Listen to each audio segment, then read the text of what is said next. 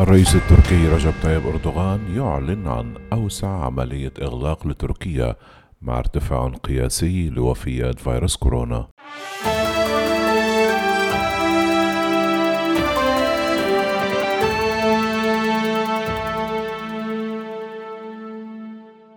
أعلن الرئيس التركي رجب طيب أردوغان أوسع عملية إغلاق في البلاد حتى الآن وسط ارتفاع في عدد حالات كوفيد 19 ومد فترات حظر التجوال لتشمل ليالي الأسبوع كما فرض إغلاقا كاملا خلال نهاية الأسبوع.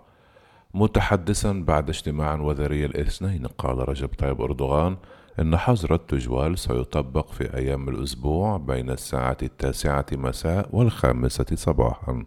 كما أعلن إغلاقا كاملا في نهاية الأسبوع من الساعة التاسعة مساء الجمعة إلى الخامسة صباح الاثنين وذلك بعد ضغط كبير من المجتمع الطبي والرأي العام. استأنفت تركيا الأسبوع الماضي تسجيل كل الحالات المصابة بفيروس كورونا بعد أن كانت تعلن فقط عن عدد الحالات التي ظهرت عليها الأعراض لأربعة أشهر. تسبب هذا في ارتفاع عدد الحالات إلى حوالي ثلاثين ألف وجعل تركيا من بين أكثر الدول تضررا من جائحة كورونا في أوروبا.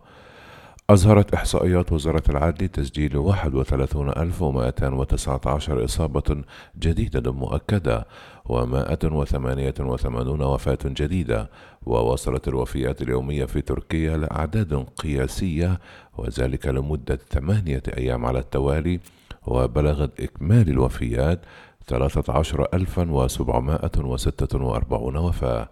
تبدأ إجراءات حظر التجوال الجديدة الثلاثاء ويستثنى منها متاجر البقالة وتوصيل الطعام خلال ساعات معينة. في الربيع فرضت تركيا إغلاقات مؤقتة في نهاية الأسبوع والأعياد لمكافحة تفشي فيروس كورونا، لكن معدلات الإصابة والوفيات الحالية ارتفعت أكثر من معدلات الربيع. ولم ينجح حظر التجوال في ليالي نهاية الأسبوع خلال الأسبوعين الماضيين بشكل كبير في تقييد حركة الناس. قالت الجمعية الطبية التركية التي كانت مهمة بالنسبة لسياسات الحكومة التي دعت لمزيد من الشفافية منذ مارس أن عشرون عاملا بالمجال الطبي مات في أسبوع واحد بسبب مضاعفات كوفيد 19 وبلغت نسبة إشغال أسرة وحدات الرعاية المركزية 71% وذلك وفقا لوزارة الصحة. كما أعلن أردوغان أيضا أن الأشخاص أكبر من 65 عاما أو أقل من 20 عاما المسموح لهم بالخروج ثلاثة ساعات يوميا لن يسمح لهم باستخدام وسائل النقل العام كما ستستخدم شفرة تتبع مخالطين لزائري المراكز التجارية وستقيد الأفراح والجنازات بحضور ثلاثين شخص فقط.